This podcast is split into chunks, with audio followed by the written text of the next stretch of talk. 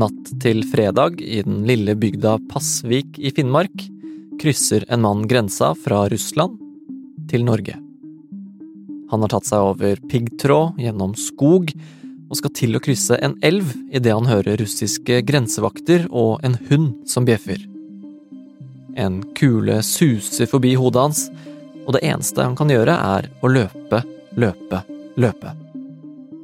Det hevder i alle fall den russiske mannen Andrej Medvedev var det som skjedde da han rømte fra Wagner-gruppen, det som gjerne kalles Putins private hær. Nå er han i Oslo. Han kan ha verdifull informasjon fra innsiden av den brutale gruppen. Men kan vi stole på ham? Ja, et viktig spørsmål man må stille seg når russiske militærfolk kommer over grensa, er hvorfor er de her, egentlig? Her er det vi vet om Wagner-avhopperen som har kommet til Norge. Hvis du vil høre mer om leiesoldatene som nå har fått en viktig rolle i krigen i Ukraina, så kan du lytte til den forrige episoden i Forklart-feeden om den brutale Wagner-gruppen. Den kom i spilleren din i dag tidlig. Det er mandag ettermiddag 16. januar, og jeg heter David Bekoni. Всем здравствуйте. Меня зовут Андрей, фамилия Медведев. А, Я являлся сотрудником компании ЧВК «Вагнер».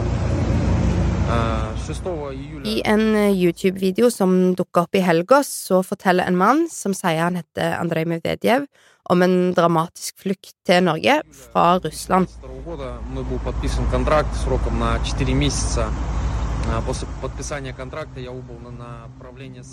Videoen som utenriksjournalist Helene Skjeggestad snakker om, er delt av den russiske menneskerettighetsorganisasjonen gulagu.net.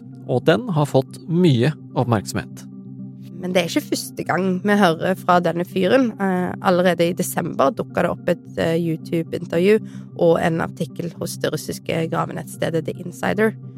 Eh, der står Andrej Medvedev fram og sier at han er tidligere medlem av den brutale Wagner-gruppa i Russland. Hans historie blir videreformidla av Vladimir Osetsjkin, som er en menneskerettighetsaktivist som har hjulpet flere å flykte fra Putins Russland. Men nå er altså denne mannen, Andrej Medvedev, kommet til Norge, og han har med seg påstander om russiske krigsforbrytelser og russisk maktkamp inn til det lille landet vårt.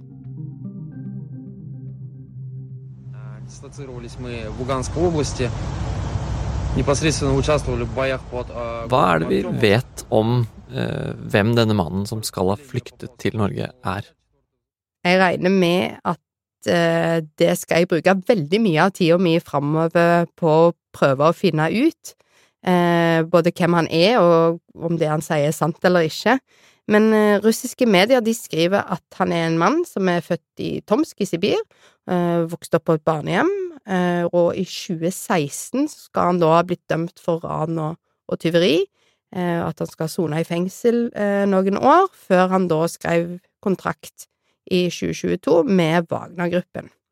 Etter det så ble han sendt til krigen i Ukraina som lagfører for en av de mest brutale grupperingene innad i den brutale gruppen eh, Wagner.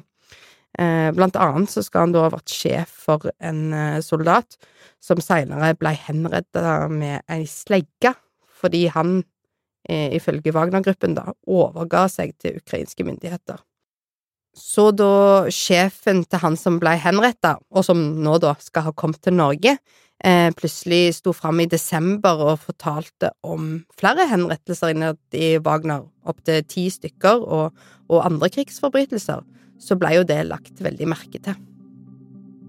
Hvorfor skal Medvedev ha rømt, da? Jo, eh, det han sa blei nok lagt merke til av flere enn oss her i Aftenposten, for å si det sånn. Dette er alvorlige saker for både Wagner-gruppen og for, eh, for Putin i, i Russland. Så det menneskerettighetsorganisasjonen Gulago sier, da, er at når eh, Medvedev, som nå er mannen som har kommet til Norge, nekter å fornye kontrakten sin, så skal eh, Wagner-gruppen og da mannen som ofte kalles bare Putins kokk, som er sjefen i Wagner-gruppen, Jevgenij Plegosin, har vært ute etter han. Og ifølge Medvedev har han viktig informasjon som norske myndigheter kan ha bruk for.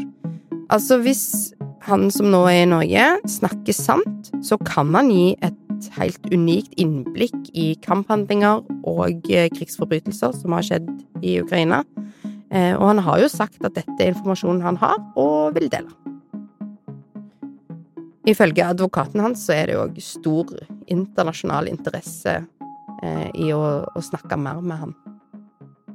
Men kan vi stole på at han snakker sant, da? Altså, kan vi være sikre på at han er her for å hjelpe oss? Nei, vi, vi kan jo ikke det. Eh, men det som taler for hans sak, da, er at menneskerettighetsorganisasjonen Gulag Unett går god for han. Eh, men det er jo viktig at eh, vi, og først og fremst norske sikkerhetsmyndigheter, eh, nå går grundig til verks for å ja, etterprøve hans historie og, og hva, hvem han er og hva han har gjort. Sannhet er jo, som kjent, krigens første offer. Men hvorfor skulle han ikke snakket sant, da? Det er det jo mange grunner til. Eh, kanskje han bare rett og slett ikke hadde lyst til å, å være i krigen lenger, og så eh, gjør han seg mer viktig enn en det han kanskje var, eh, for å få et eventuelt politisk asyl. Um, og så er det jo òg en mulighet for at han kan være en falsk avhopper. Altså Det er mange grunner til at det kan være gunstig for Russland å ha i Norge. Alt fra at han kan observere det norske samfunnet fra innsida, til at han Ja, han er jo allerede en person mange er interessert i å høre på, på hva han har å si.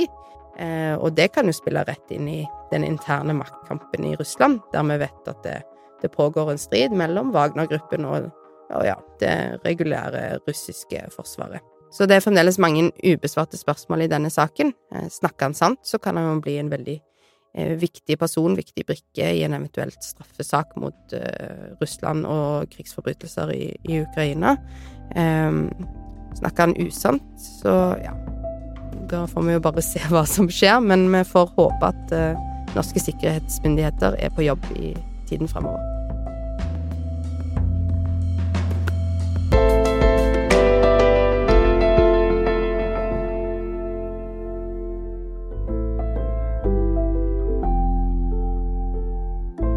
Du har hørt en podkast fra Aftenposten.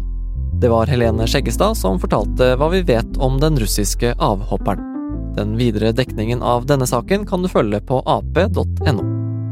Lyden du hørte, var fra YouTube-kanalen til gulagu.nett.